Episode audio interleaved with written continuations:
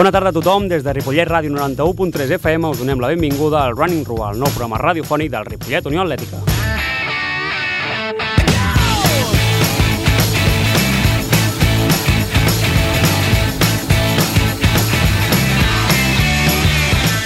Presentant i conduint aquest nou espai, sota la direcció tècnica del Jordi Puy, estem als monitors del RUA, Santi Guardiola i qui us parla, el Sergio Gómez.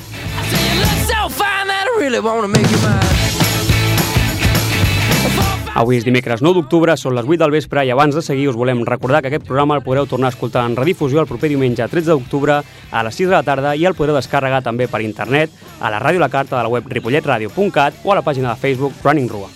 Ara sí, arrenquem.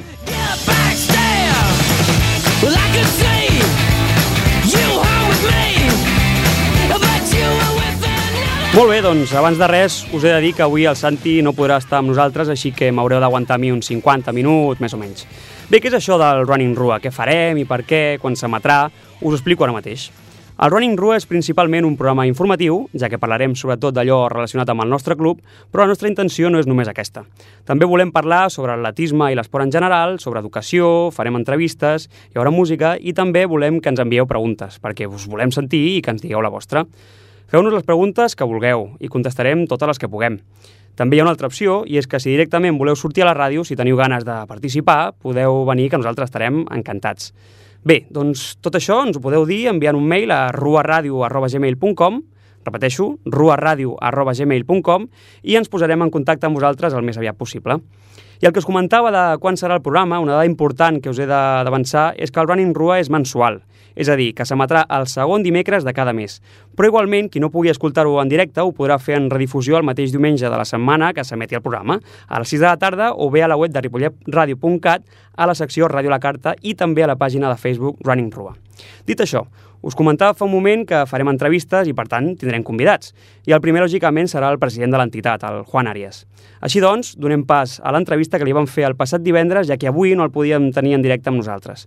Per posar-vos en antecedents, eh, vam diferenciar-la en dues parts. La primera part vam fer unes preguntes breus a moda de joc i la segona part va ser profund, més profunda i, i seriosa, entre cometes. Pareu atenció que diu coses molt interessants. Endavant.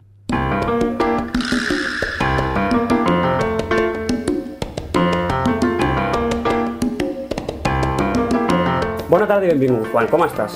Molt bé, bona tarda, Sergio. Si et sembla bé, començarem amb una bateria de preguntes a l'estil Oprah Winfrey amb el Lance Armstrong, vale? Vinga. Sí? Comencem. Quan es va fundar el RUA? El 1982. Correcte. Qui va ser el primer president del RUA? Aquí m'has agafat. Va ser el José Luis Raya. Molt bé. Quants atletes té actualment el RUA? Aquesta és una bona pregunta perquè com que estem creixent cada any, ara aproximadament jo et diria que en quant a atletes potser arribem als 80 aproximadament. Estàs lluny. Són més, eh? Són 117. A dia d'avui, 117. O sigui que millor del que t'esperaves, eh? Quins atletes del RUA han anat amb la selecció espanyola i, per tant, han participat a campionats europeus i mundials quan vestia la samarreta del club? Tota la història del club, eh, potser m'equivoqui, potser em quedo curt, però jo diria, no sabria dir-te si dos o tres, dos segur, i no sé si en categoria femenina... Jo diria que dos nois i potser cap noia, encerto? No. No? hi ha més, hi ha més. A veure, digue'm els nois, per començar. Jo diria que han sigut el Quim Carlús i l'Alberto Ramírez. Correcte, I en quant a, nori, en quant a noies, dubtava amb, eh, amb, la, amb la Núria Puig. correcte. I potser hi ha un altre noi que és l'Ivan Arrendo, No. no? Doncs no sabré Falta la Lídia. Rodríguez. La Lídia Rodríguez va anar... Al mundial, a l'europeu júnior, si no m'equivoco. Però sent atleta del sent Rua? atleta del Rua, sí, bé. sí. sí. Quin va ser l'equip del Rua que va quedar sotscampió de Catalunya a la categoria sènior a Mataró l'any 2007? Això sí que ho sé perquè jo vaig, vaig estar, vaig formar part de l'equip. Vols els noms dels components? Sí, home, sí. Doncs estava l'Alberto Ramírez, el Carlos Cera, l'Oriol Cascalló, eh, el Quim Carlús, Correcte. no sé si t'he dit ja el 5, Falta un mes. mm, no sé quins t'he dit, M'has dit el Carlos Cera, l'Alberto Ramírez, el Quim Carlús, l'Oriol Cascalló, falta, falten dos. Jo era part de l'equip, però jo no, no vaig puntuar. Ara falta jo, jo un. era el dolent. I el que falta, doncs ara mateix, eh, ho, ho sé, eh, perquè sé quins eren els components, però ara, com que no, no te sabria dir quin és. Era l'Oriol Vilaplana. L'Oriol l'anterior. Vilaplana, l'anterior president. Pobre, sincer. Molt bé, bastant bé, eh? bastant bé. Ara aquesta és, a mi em va semblar curiosa. Quin atleta veterà que va competir a la Marató de Sables amb la samarreta del Rua? Quin va ser l'atleta? Antonio Roda. Molt bon. Sí, Un senyor. dels atletes més veterans i amb, amb més anys aquí al club. Uh -huh, correcte. I ara una canviant una mica de tema. Quina és la marca de la roba de les competicions? L'actual és Rondo, Rondo, Rondo Team, Rondo, Mhm. una empresa de... Farem publicitat de l'empresa, una empresa No? de Vic. Molt bé, perfecte. perfecte. Ara ja deixem de banda les preguntes referents al nostre club i fem, passem a una mica d'internacional. A veure què et sembla. Si he fallat les locals, imagina el que puc arribar a fallar a les ho has fet molt bé, ho has fet molt bé. Uh, quin atleta català va ser un referent dels 110 tanques i va participar fins i tot a la final dels Jocs Olímpics de Los Angeles 84? Eh, Moracho? No. Javier Moracho? No? Català. Ah, català? Mm, no t'ho sabria dir, no ho sé. Va ser el Carlos Sala. Carlos Sala. Bueno, passem al següent.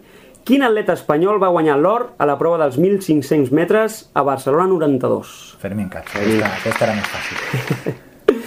Sabries dir quin és l'actual rècord del món en aquesta prova? I qui el va fer? En 1500? Sí, No t'ho sabria dir. pensa, pensa. No t'ho sabria dir... Marroquí No t'ho sabria dir. va ser Hisham El Guerrouj amb 3.26 26.00. Que ja es corre, eh? Molt.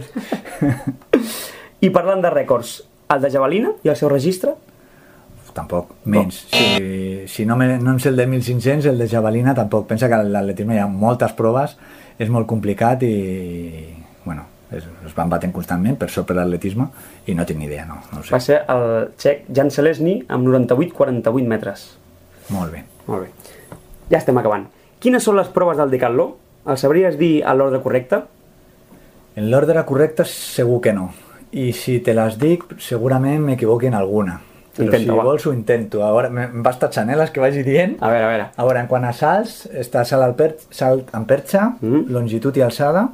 Uh En -huh. llançament fan eh, javelina, pes i, i disc. Bé, correcte. I en curses fan 100 metres llissos, 110 tanques, la darrera que sí que sé que és 1500 i diria que fan 400. Sí, senyor, correcte. L'ordre el diem, ja que estem. Sí. 100 llisos, salt de llargada, llançament de pes, alçada, 400 llisos, i el dia següent, perquè es fa en dos dies, uh -huh. 110 tanques, disc, perxa, javelina i 1.500 llisos. Correcte. I per acabar amb aquestes preguntes curtes, jo crec que aquesta t'agradarà. Qui s'amaga darrere de les mascotes Barney i Chof? Primer que es diu Chop, no Chop. Chof, perdona, perdona. Chof. Doncs mm, a la mascota Barney eh, vaig tenir la sort de poder, de poder fer i gaudir de l'espectacle des de dintre perquè bueno, vaig estar donant-li vida a la mascota, tot i que eh, eh, de dir que érem tres, vale? però la que estava a la pista fent les voltes d'un os amb els corredors vaig ser jo. I amb el Chop va passar una cosa semblant, durant la promoció vaig ser jo, però després durant el campionat mm, sento si la gent es pensava que era jo, però al finalment durant el campionat no era jo la mascota. No va ser tu. Però, però bueno, durant molt de temps, tota la promoció prèvia, que era bé un any, vaig ser jo el que va anar a les diferents competicions i tal, entre jo i altres persones, però jo era una d'elles. Mm. Explica'ns una mica com va ser això de, de les mascotes. Com, Doncs va començar precisament amb Barney al, al Campionat d'Europa, doncs jo, clar, un- una oportunitat única, un Campionat d'Europa d'atletisme, que és l'esport que m'agrada, a Barcelona, a la nostra, bueno, a la nostra ciutat, o una ciutat molt, molt propera, doncs jo volia participar d'alguna manera, em vaig apuntar com a voluntari. Eh, allà em van començar a fer com una bateria de preguntes, a veure on em podien ubicar, clar, era atleta federat, president d'un club, molt vinculat amb l'atletisme, em van dir que, bueno, que gairebé com que podria triar on, on, en quina opció em, em, em veia més còmode. I jo li vaig, eh, bueno, vaig dir-ho, jo, jo, a mi m'agradaria ser la mascota o estar vinculada al món de la mascota. Aleshores em, va, em van dir que no era un, un, un joc de, de voluntariat, sinó que era un, una feina remunerada, i dic, bueno, si, si a sobre em paguen ja la hòstia. I aleshores doncs, eh, vaig haver de fer un càsting, vaig haver de fer, enviar un currículum, vaig fer un procés de selecció, perquè hi eren diverses les persones que vam optar al, a, a fer de Barney, i finalment doncs, vaig ser triat. I a, a, això va ser la història del Barney. I amb Xop va ser més fàcil, perquè la mateixa gent que portava la promoció d'una mascota portava el 2013 la promoció del Xop, o sigui, aquí ja sí que em van trucar directament per si, per si m'interessava i bueno, vaig començar. L'únic que després durant el campionat, amb, bueno, amb, els, amb la feina, clar, jo havia de demanar vacances per fer el campionat amb els nens petits que, que tinc ara des de fa més de sis mesos, doncs finalment per això deia que he fet tot l'any, però just quan arriba el campionat m'he quedat fora. Molt bé, perfecte. Doncs ja sabeu que el president del RUA era el Barney i el Xop, eh? no el Xof, el Xop. Correcte. Molt bé, correcte, gràcies. Seguim. Ara passem a preguntes una mica més profundes. Canviem el xip? Però més fàcils, perquè aquestes tela, eh, algunes. Bueno, home, ja ho veurem, ara ho veurem, ara ho veurem. Primera pregunta. Com creus que afecta la crisi a l'esport en general i en especial al nostre món, a l'atletisme? Home, jo crec que la, la crisi afecta a qualsevol, a qualsevol entitat on s'hagi de pagar una quota. Mm, Començant per aquí, doncs, per sort la nostra quota no és massa elevada, amb la qual doncs, creiem que som, som un, un esport o una, un, una activitat extraescolar bastant mm, barata, amb la qual no crec que tinguem gaire problema en rebre atletes al nostre club per culpa de la crisi i per la quota, però el que sí que és evident que, que un club sobreviu no només de les quotes dels atletes, que ja et dic que aquí no veuria massa impacte, però sí que s'ha notat en quant a les retallades de pressupost dels organismes oficials, ja sigui federacions, Consell General de l'Esport, eh, Servei Català de l'Esport, eh, Ajuntament, tot això ha hagut retallades en alguns casos brutals, i amb, això sí que hem hagut de lluitar, retallant d'allò on, on, on podíem fer-ho, intentant mantenir tot el, el risc altres partides que no volíem tocar i ha sigut una lluita que, que no s'ha acabat, per desgràcia encara no ha acabat i continuem, continuem lluitant. O sigui, la crisi a veure si s'acaba ja i, i ens deixa d'ofegar a, a tots, però bueno. Eh, però no penso que el RUA o l'atletisme sigui una, una particular, tingui una particular afectació per la crisi. Crec que hi ha casos pitjors, no? A mi em sembla molt més greu que retallin educació, sanitat, i si la partida, jo, de fet en alguna assemblea de socis ho vaig dir, jo com a, com a president em sap greu que em retallen la subvenció al club, però com a persona prefereixo que em retallin això i no que em retallin com, com, doncs, educació o sanitat, que per desgràcia també ho han fet. Uh -huh. Molt bé. I en relació en, en, amb aquesta primera pregunta, creus que s'hauria d'ajudar, intu, intueixo que, sí, que sí, s'hauria d'ajudar més a l'atletisme com es fa amb esports com el futbol, el bàsquet o el pàdel, per exemple? Si és així, com i de quina manera? Eh, jo crec que no hauria d'haver-hi cap diferència entre un esport i un altre. Això és el que, el que penso. Eh, el que passa que bueno, eh, la tele mana molt i en aquest país, doncs, per desgràcia, el futbol i altres esports potser ja no, ningú, cap li fa sombra, cap li fa ombra al futbol, no? però després podríem tenir esports com el bàsquet, però hi ha molts altres esports que, que, que li van al darrere, que alguns fins i tot tenen molts federats. El cas de l'atletisme és, és flagrant, perquè ja no només si comptéssim els federats que competeixen com a federats, sinó la gent que corre. Si tu mm. mires la quantitat d'atletes populars que hi ha a qualsevol cursa que es fa arreu de Catalunya o d'Espanya o del món, doncs jo crec que guanyaríem en quant a número de participants a, a esports com el futbol però bueno, això va com va i doncs el futbol s'emporta una partida immensa, té molta més repercussió mediàtica, només cal llegir un diari per veure les pàgines i pàgines de futbol i la, com a molta sort una columneta i al darrere les pàgines al costat del temps i al costat de la programació de la tele a vegades surt alguna cosa d'atletisme. Doncs eh, això és així i, i cost, crec que costarà, costarà molt canviar-ho. Crec que és millor no intentar lluitar contra això sinó intentar fer-te valer amb, amb el que t'arriba, intentant mica en mica anar creixent i no, no tenir cap eh, eh, adversió cap al futbol o cap... Eh, cap enveja. Cap enveja. Mm. És, eh, tenen el seu, nosaltres tenim el nostre i intentem que cada vegada sigui més i fer-ho bé i, i anar creixent mica en mica. Mm -hmm. Molt bé. Una pregunta potser de gaire més personal i en referència al RUA. A tu et semblaria bé posar publicitat a la samarreta del nostre club i així aconseguir potser uns ingressos, diguéssim, extra, o creus que és tacar-la, és embrutar-la? Mm, jo no, no crec que una publicitat embruti la samarreta, és la meva, la meva opció. Eh, evidentment, jo en, una, en, en un fet com aquest no, no és una decisió que prendria jo com a president únicament, sinó primer que hi ha una junta i per, per sobre encara de la junta està l'assemblea, amb la qual si tinguéssim la sort de trobar un patrocinador que, que, que volgués posar la, la, la publicitat a la nostra samarreta, ho parlaríem i, i la, la meva impressió seria intentar convèncer la resta de gent del club de fer-ho, però això no vol dir que, que ho fessin directament i, i hauríem de debatir-ho. Igualment el problema no és si voldríem o no voldríem, el problema és que no ens arriba ningú que vulgui portar-la, aquesta publicitat a la nostra samarreta.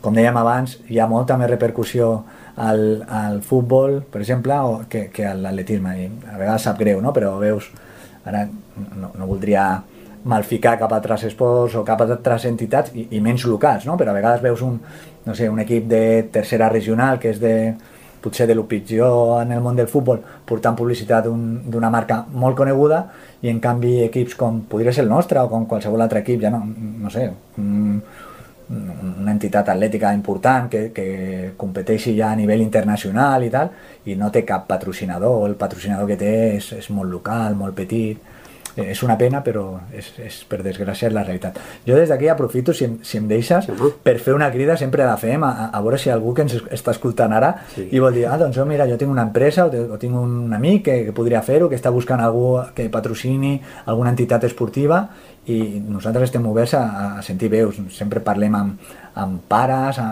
a vegades no, el, el pare que treballa en una empresa, hi ha poca gent que sigui empresària i tingui la seva pròpia empresa i pugui decidir per ell mateix, no? però a vegades bueno, hi ha situacions en la que surt un pare d'algú del club o algun conegut que algú està buscant alguna entitat a patrocinar. Doncs el RUA està obert a, a sentir veus i no tanquem portes a ningú i estaríem encantats. No, molt bé, ja l'esteu escoltant, el president del, del Ripollet Unió Atlètica. Seguim. Què et sembla el fet de que aquí a Ripollet tinguem una pista de sorra i que altres pobles veïns tinguin unes pistes més modernes? Influeix, per exemple, aquest fet en els resultats dels atletes? Eh, influeix en el... Influeix, evidentment influeix. Eh... Positivament o negativament, potser? Mira, depèn. Depèn, perquè influeix...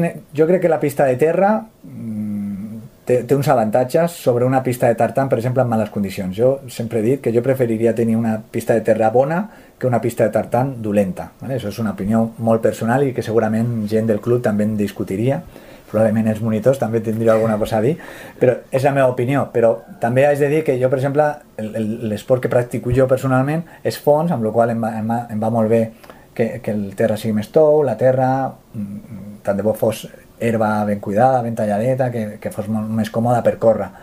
Eh, però clar, et limita en, en altres aspectes. Per exemple, tenir la pista que tenim, ja sigui terra, sigui, hi, hi ha proves que no les podem fer com Déu mana, no podem fer llançament de javelina com Déu mana perquè la zona no està perfectament eh, adequada a practicar-ho. Eh, i el cas més evident, per exemple, seria un salt de perxa. Evidentment no tenim, no tenim el material ni, ni, ni tenim lloc ni, ni possibilitats de, de practicar-ho, amb la qual si algun nano de Ripollet volgués somiar en ser campió del món de perxa, doncs per desgràcia que no vingui al RUA, perquè per desgràcia no podrien fer. I això és una pena, no? que que especialitats que formen part de l'atletisme no les puguem fer perquè la pista no està adequada.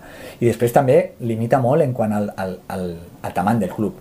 No? A vegades amb converses amb el patronat dèiem que bueno, els, els usuaris potencials de la instal·lació que serien pocs, que clar, nosaltres som un club, som un club petit, bueno, som un club petit perquè també no enganxa gaire al poble venir a córrer a la nostra pista. Si tinguéssim una pista com Déu mana, doncs millor no parlaríem dels 117 atletes que em deies que teníem i millor, doncs, per exemple, a Cerdanyola tampoc hi ha pista.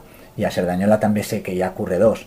Amb la qual si tinguéssim nosaltres la pista doncs molts d'aquests atletes de Cerdanyola o de Montcada de, de poblacions veïnes doncs vindrien aquí, estem parlant de que millor el, el, el, el tamany del RUA doncs es multiplicaria per 5, per 6, per 10 amb la qual ja estaríem parlant d'un altre club, d'una altra entitat, ja podríem formar part a millor de la lliga de clubs que ara mateix no podem formar, no podem participar ni, en, ni ens ho plantegem, tot i que en el passat alguna, havia hagut alguna idea d'intentar fer-ho, però mm, resultava impossible amb el, amb el tamany, amb les instal·lacions que teníem, i bueno, jo, jo sé que això es va intentar fa anys, el patronat volia fer i estava projectat, però la maleïda crisi, sobretot immobiliària, hi havia aquí un, tema d'uns terrenys que podíem fer la pista, si, si bueno, els, els més antics d'aquí de la pista se'n recordareu que a l'entrada al poliesportiu hi havia un plànol on ja sortia la pista sí. projectada i era una cosa que ens feia molta il·lusió arribar a tenir-la algun dia eh, això s'ha esfumat això és molt complicat de fer-ho, som conscients i el, el que nosaltres com a club fem és mai perdem la il·lusió de tenir aquesta pista però el que lluitem és per tenir la pista que tenim en unes bones condicions que ens permetim com a mínim entrenar i competir en, en les condicions que el, que el RUA mereix. Uh mhm, -huh, perfecte. Um, canviant de tema radicalment i, i referent al club i el que deies abans de... abans comentaves que la Junta tal, com és l'organigrama del RUA? Com funciona tot plegat? Doncs és un organigrama senzill com la majoria de les, eh, de les entitats esportives d'esports de, de base. No, no creiem que siguem una excepció. És gent que, que, que ama l'esport i que ama el club i, i, i, i l'agrada i, i, i probablement és perquè millor tenen, la majoria són pares o mares de fills que competeixen al RUA. Ja que ets aquí, que el teu fill fa un esport a un club on, on t'intenten ajudar a, a tant econòmicament com amb els medis eh, convenients. Doncs sí, per, per un petit esforç que, que podria ser formar part de la Junta per intentar col·laborar en l'organització, en tot, eh? perquè a vegades hi ha molta feina que, que, que no es veu, però que són hores de feines, de trucades, de trucar a portes, de que et diguin que no, doncs qualsevol eh, esdeveniment, qualsevol cursa, el cross, la milla, la cursa de festa major, és dedicació de, de gent, amb la qual l'organigrama és molt senzill, tenim els estatuts de qualsevol entitat esportiva obliguen a tenir un president, que en aquest cas doncs, seria jo, eh, eh, tenim un vicepresident, que és el Víctor Martínez, eh, tenim una, un secretari, que és el, el José Sepúlveda, tenim un tresorer, en aquest cas tresorera, que és, la, que és Juani, i la resta són, són vocals. Ara mateix, eh, ara fa poc hem, hem fitxat, diguéssim, a, a dos vocals més, i actualment tenim una junta composada per 11 membres eh, amb aquests 11 membres i sobretot el, dia de la, dels esdeveniments esportius, quan organitzem una prova, amb l'ajuda dels voluntaris, perquè per molt que volguéssim, aquests 11 persones no podrien fer una cursa de festa major per 800 persones, ni un cross de Ripollet, ni una milla, ni una milla de Ripollet, doncs amb l'ajuda de la Junta i dels pares, que sempre ens donen un cop de mà i que això també ha canviat molt, no? de, de anys enrere que costava molt que els pares es fiquessin a ajudar, semblava que els pares havien de portar el nen aquí a córrer i, i nosaltres ho havíem de fer tot. Ara això ha canviat, per sort per, per, sort per nosaltres, i bueno, hi ha molta gent involucrada i bueno, doncs, és, és un gust també quan treballes i veus que, que demanes ajuda i, i et surt espontàniament, que no has d'anar allà demanant, si us plau, que et vinguin a ajudar. Doncs això és l'organigrama, és molt senzill i bueno, som, som un club petit, som un club gairebé podríem dir que familiar, perquè al final et coneix, el poble, no és, el Ripollet tampoc és una ciutat com Barcelona, i bueno, a mi em dona molt de gust quan vaig passejant pel, pel Rui, a vegades, bueno, és una anècdota, però quan vaig amb la, amb la meva dona passejant, a vegades diem, a veure quants del Rua ens trobem avui passejant.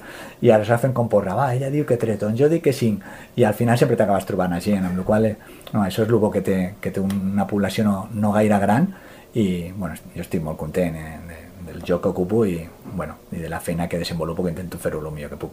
Uh -huh. I ja per acabar, què li diries a la gent que ens està escoltant per, perquè s'apuntin a fer atletisme amb nosaltres aquí al RUA?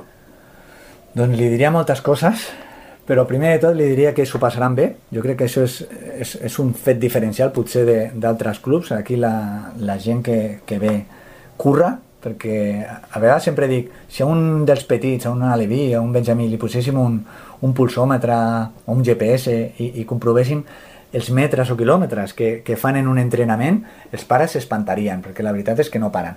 Però ho fan d'una manera que no se n'adonen, estan constantment jugant. Amb la qual jo crec que això, i, i això ho has de dir, Sergio, és gràcies també a la feina que feu els, els monitors, no? amb, amb els nens, amb els, a, tant, tant tu com el Santi, com també el Tasio, el, el seu, bueno, amb, amb el seu grup, doncs eh, això ja un altre nivell, amb una miqueta més d'exigència, de, ja que porta els, els atletes més grans i els veterans, doncs, òbviament el, el perfil de l'atleta varia i la manera de, de dirigir-se a ells també varia, no? però tot i així és un club molt familiar on tothom et recolza. Jo vaig entrar aquí amb un somni de córrer una marató quan no era, no, jo no corria res i jo pensava, ostres, no aniré al RUA, perquè jo sabia del RUA de que hi havia grans atletes, parlant d'aquest, com em preguntaves al principi, no? d'atletes que havien eh, anat a la selecció espanyola i jo hauré d'anar a entrenar més no, home, no, no, no pot ser doncs em van acollir molt bé i el mateix que va passar amb mi és el que intentem fer amb tots, que des del primer moment es sentin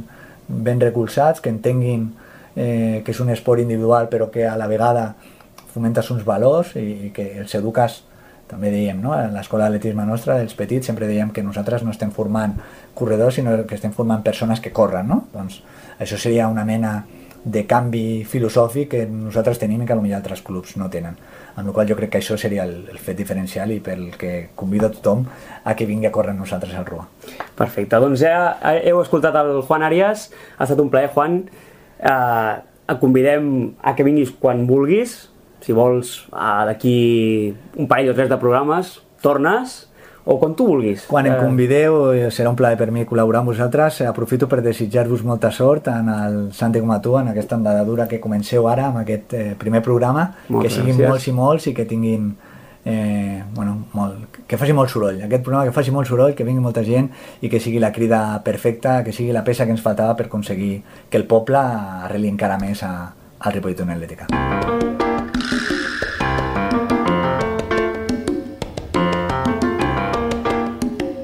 Doncs aquesta va ser l'entrevista sencera amb el Juan. Jo penso que va ser una bona manera de començar aquest programa perquè, com ja heu escoltat, el Juan ens explica coses molt interessants i, i és un bon comunicador.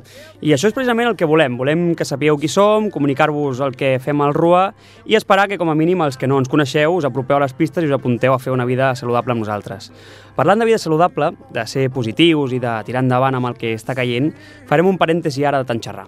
Vull compartir amb vosaltres una cançó, perquè crec que la música ens ajuda, ens inspira, i més si és tan especial com el tema que us presentaré a continuació. És un tema que ens porta un missatge amb molta energia i que ens diu simplement que vivim i aprofitem els dies el millor possible. La cançó es diu Dies Mejores, de la banda de rock barcelonina Sol Lagarto, i la dediquem precisament al Sol Lagarto, a la Carme Barrera, mestra de l'Escola Alcínia de Cerdanyola, que ens va deixar fa dues setmanes, i a tota aquella gent que ho està passant malament. Endavant, Dies Mejores. Vendrán días mejores todo será como antes. Cuando la primavera mezclaba un buen ron con una pizca de suerte. Seguimos dando batalla a pesar de los pesares. Hacemos arte en los bares con andares de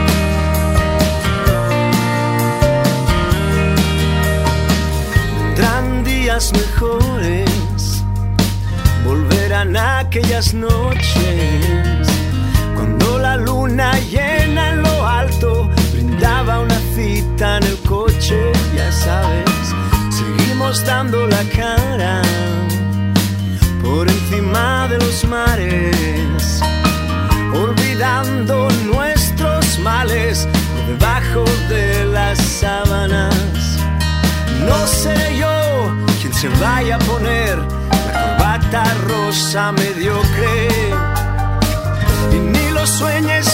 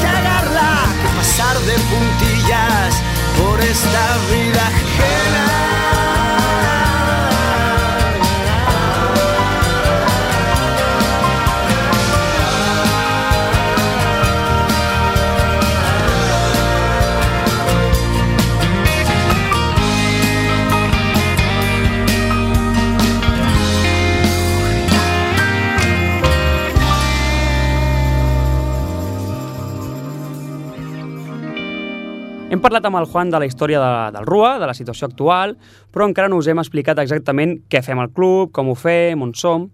Primer de tot, comencem per l'última. On som? Les nostres pistes es troben al Poliesportiu Municipal de Ripollet, al PAME. Al final de tot, un cop passeu les pistes de pàdel, allà ens trobareu. I avui estem a dia d'avui en una situació molt bona, ja que no para de venir gent de totes les edats i sobretot no para de venir canalla. A l'estiu, per exemple, vam fer el Campus Rua i, el, i podem dir que va ser un èxit perquè vam oferir 100 places i vam omplir pràcticament amb 96. I a més el feedback amb els alumnes i els familiars va ser, va ser molt bo. I que, per cert, abans de començar el campus, la Francina Ricard ens va fer una entrevista que de ben segur que, que ens va proporcionar una molt bona publicitat. I mira com són les coses, ara nosaltres tenim un programa fins i tot. Així que, gràcies, Francina. I el que us comento sobre el creixement del club Eh, sense anar més lluny, fa un parell de setmanes vam, vam fer el dinar de cluent de la temporada i es va reunir més gent que mai. La, la festa va estar molt bé, així que, bé, per la part que ens toca, enhorabona als voluntaris per la feina, per la feina feta. I enhorabona també a la Junta, que el mateix dia va regalar als atletes i als monitors una samarreta molt bonica de color taronja i uns mitjons del Rua, així, així que des d'aquí i, i per la nostra part també donem les gràcies. I bé, fins i tot eh, hem hagut de, de fer una petita reestructuració en aquest inici de temporada, perquè, com us deia, cada dia, cada dia ve gent nova, així que els nous horaris els hem hagut de fer de la, de la següent manera. Els atletes de la categoria pre-Benjamí i Benjamí entrenen dilluns, dimecres i divendres de 6 a 7 de la tarda. És a dir, fins ara entrenaven de 7 a 8, però hem avançat una hora, que és més raonable pels petits. Els alevins i els infantils ho faran els mateixos dies just quan acabin els més menuts, des de les 7 fins a les 8.30 aproximadament. Ja a partir de cadets entrenen de dilluns a divendres i també alguns diumenges quan no hi ha competició. Però vull recalcar en aquest punt que entrenar cada dia o no és una decisió entre l'entrenador i l'atleta, sobretot, i en segon terme amb els familiars, lògicament. I parlant d'entrenador, qui entrena els atletes? Els monitors de l'escola d'atletisme som el Santi Guardiola i jo mateix, i a partir de cadets cap endavant l'entrenador és el Tasso Hileno, que per cert el tindrem amb nosaltres en un altre programa per, parlar d'atletisme i, i del que calgui, perquè ja sé que amb el Tassio no caldrà segurament ni tenir un petit guió, perquè en sap molt d'atletisme i, i de molts altres temes. És, és, és un filòsof. I, I bé, parlant de filòsof, quina és la nostra filosofia? Els tres responsables estem d'acord en que l'atletisme és una excusa per educar els nostres joves en bons valors, en bons hàbits i una cultura esportiva general, i procurant que, que siguin independents, autònoms i sàpiguen adaptar-se a la societat que els envolta per, per intentar que tinguin els màxims moments de, de felicitat possibles. I bé, de fet, us llegiré un, un resum de com pensem que, que hem d'actuar. S'ha d'anar a poc a poc, al ritme de cada persona, sense pressionar-la, deixant que s'expressi com li surti realment fer-ho us comento això perquè és un tema molt important. Eh, no, no, no hem de tenir cap pressa en el sentit de que els nens i nenes s'estan formant, s'equivoquen, cauen, però és que és la millor, és la millor manera per aprendre i de vegades doncs, podem cometre l'error d'intervenir en excés en, en tot allò que els hi passa. Ho dic també perquè de vegades, per exemple, quan estem a, a les competicions, ens oblidem de que són nens i no són professionals. No podem donar la bronca a un nen que no ho hagi fet com en principi s'espera d'ell, perquè un comentari negatiu d'alguna persona que ell estima li, li pot fer molt, molt, molt de mal. Llavors, què creiem que és el correcte? Només, només podem demanar als nostres atletes que s'esforcin i que facin la seva tasca el millor que puguin i que gaudeixin al màxim possible fent-ho. Res més. I encara que sembli una tonteria el que diré, abans d'una competició li hem de dir passa-t'ho bé. No, no, enfadat, eh? Passa-t'ho bé. I durant la prova, si, una, si és una cursa, per exemple, només hem de dir paraules d'aquest tipus. Eh, ànim, molt bé. I mentrestant, doncs, aplaudim. I què fem quan acabi la competició? Doncs li preguntem, t'ho has passat bé? Així de fàcil, de debò, eh? no cal més. Nosaltres, els esportistes, ja sabem que quan, quan, ja sabem quan ho hem fet bé o quan no. Per tant, no cal que ens diguin les persones que estimem i, i, i que ens importen que, que ho hem fet malament. I si a més tenim la sort de tenir un entrenador que ens ajuda a millorar com a atleta i com a persona, doncs és més que, que suficient. En fi, bé, aquest és, és un resum de la nostra filosofia de, de com creiem que hem d'actuar. I ara, deixant de banda una mica aquest aspecte, fem un canvi de xip, perquè ara m'agradaria recomanar-vos un seguit de documents que a mi personalment em semblen molt interessants i potser algú dels que m'està escoltant també li pugui interessar.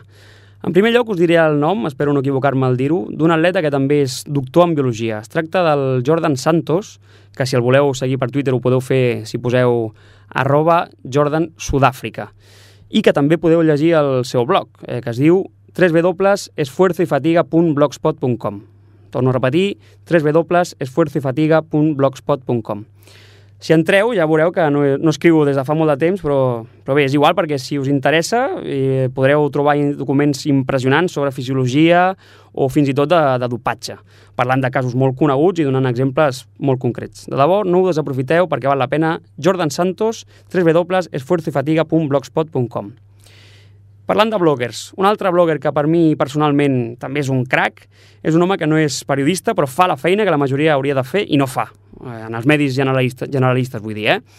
Es tracta de www.ciclismo2005.com. El blogger en qüestió es diu Sergio, que no sóc jo, que algun amic m'ho pregunta, no sóc jo, i va començar a fer uns escrits fantàstics precisament l'any 2005. Des de llavors no ha parat d'escriure i ha anat adquirint centenars o potser milers ja de, de seguidors, jo inclòs, i ens posa al dia principalment sobre ciclisme, sobre esport i política en general i també de tant en tant parla d'atletisme. I un fet diferencial, al qual em referia ara dient que fa el que no fan altres, és que aborda el tema del dopatge d'una manera directa i pràcticament sense censura, perquè, bé, dic això perquè, com ell diu, hi ha esports que de moment doncs, eh, no es poden tocar. I deixo aquí el tema, perquè si no es pot tocar, doncs no seré jo qui ho faci. I bé, deixant ara les recomanacions esportives, una d'educació. Si teniu temps, llegiu-vos el Joan Carles Mèlic. Si mireu al Google podeu teclejar el seu nom i consultar la seva obra. De fet, a la Wikipedia mateix hi ha un resum que bueno, veureu que no té res a veure amb l'atletisme, però sí amb l'educació i al cap i a la fi penso que tot plegat va lligat. A més, us dic, us avanço ja, que segurament al febrer o al març el tindrem amb nosaltres presentant el seu proper llibre que es diu Lògica de la crueldad. Torno a repetir, Joan Carles Mèlic, acabat amb CH, Lògica de la crueldad. El tindrem amb nosaltres. Queden tres. Busqueu també qui és el Pep Marí, psicòleg del CAR de Sant Cugat. Trobo, perquè trobo de debò eh, que aquest home és, sempre parla de temes molt interessants. De fet, espero que també el, el puguem tenir aquí amb nosaltres, no l'he convidat encara, eh, perquè segur, segur que val, val molt la pena escoltar-ho. De fet, també per Twitter el podreu trobar si poseu arroba pepmari4, així amb la xifra, no escrit, eh? pepmari4. I veureu que escriu coses molt, molt interessants. I ja per acabar amb aquestes petites recomanacions, lògicament visiteu la nostra web, www.ripolletua.com, on podreu seguir tot allò relacionat amb el club. I si voleu veure tot el que vam fer al Campus Rua, que vam fer el passat estiu, aneu a www.campusrua.blogspot.com. Allà trobareu fotos, vídeos i comentaris del, del dia a dia. Fem, fem ara una paradeta en el camí perquè, com ja podeu anar intuint, en aquest programa la música serà important. Personalment, abans de cada cursa, quan, quan competia, quan, ja, quan era jove, m'agradava escoltar cançons principalment rockeres i canyeres, i ara que hi penso, potser li haurien de canviar el nom al programa per Rockin' Rua. Bé, en fi, eh, que si algú se li enganxa aquesta mania, doncs benvinguda sigui. Així que espero que us agradi la següent cançó. Escoltarem ara un tema rockero dels que m'agraden a mi, 4 minutets, i tornem, Doom and Gloom, Rolling Stones.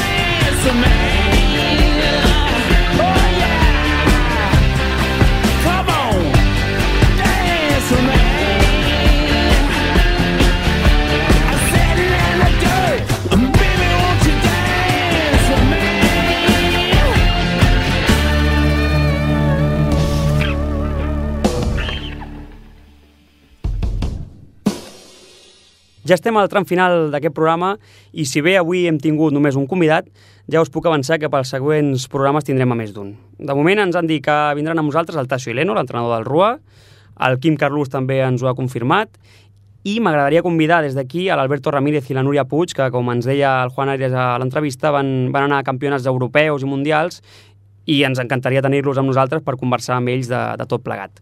També tindrem el filòsof i mestre de l'autònoma Joan Carles Mèlic, que us, que us recomanava abans. Us deia també que la música és una part important del programa i en aquest sentit eh, ja ens, en, ens ha assegurat la seva presència amb nosaltres un músic. Es tracta del compositor i cantant de Matilda Blue, és l'Ernest Armengol, conegut per ser el líder del Sol Lagarto, una banda que actualment doncs, ja no toca, però va deixar uns discos sensacionals, carregats de rock, blues, soul i pop, i que van obrir la porta precisament a aquesta nova banda que es, que es diu Matilda Blue. Un altre exintegrant de la mateixa banda, Sol Lagarto, que també m'agradaria tenir amb nosaltres, és el guitarrista Frank Montasell. Així que, Frank, si ens estàs escoltant, estàs convidat per venir quan tu vulguis. I bé, eh, de moment no m'ho han assegurat, però fins i tot els M-Clan, dels quals em declaro fan absolut, em van contestar una petició i no descarten venir algun dia. Jo volia aprofitar que el proper 4 de novembre els tindrem precisament a Barcelona en un espai que presenta l'Andreu Buenafuente i em van dir que no podran venir perquè és un dia diferent als concerts habituals, però bé, amb la resposta que em van donar, confio que els puguem tenir en una altra ocasió. Deixant els músics de banda i tornant als esportistes, un altre convidat serà el Santi Prat, un valent exciclista del Futbol Club Barcelona que va patir un greu accident de moto i va perdre una cama. Ens explicarà com se'n va sortir d'allò i com va tirar endavant. I bé, esperem que, que aquesta llista s'allargui doncs, molt, no? perquè és el que volem. En relació a això, i com us he dit al principi, us esperem a vosaltres, atletes i familiars, sobretot el programa va dirigit a vosaltres, així que us volem tenir aquí. Per tant, no us oblideu d'enviar-nos un mail a ruaradio.gmail.com i ens posarem en contacte de seguida que puguem. Envieu-nos preguntes, demaneu venir a l'estudi, que estarem encantats. Recordeu, ruaradio.gmail.com Bé, doncs, ara sí, ha arribat el moment, però abans d'acomiadar-me voldria agrair en primer lloc a Ripollet Ràdio per donar-nos l'oportunitat de tenir aquest espai. Moltes gràcies. En segon lloc, al Santi, que avui no ha pogut estar amb nosaltres, però segur que ens està escoltant i el tindrem aquí en el següent programa. A la Junta del RUA i en especial al president Juan Arias per haver estat amb nosaltres recolzant-nos. I en darrer lloc, als que ens esteu escoltant. A tots vosaltres, moltíssimes gràcies. Això ha estat tot. Esperem que us hagi agradat el programa. Tornarem el dimecres 13 de novembre i aquell dia ja us podrem explicar com han anat les primeres curses de la temporada de cross, que tot just haurà començat una setmana abans, i recordar-vos que ens podreu escoltar en redifusió el proper diumenge 13 d'octubre a les 6 de la tarda i podreu descarregar-vos el programa d'avui a la secció Ràdio la Carta de la web ripolletradio.cat o bé a la nostra pàgina de Facebook. Moltes gràcies per la vostra atenció i fins la propera. Salut i Running Rua!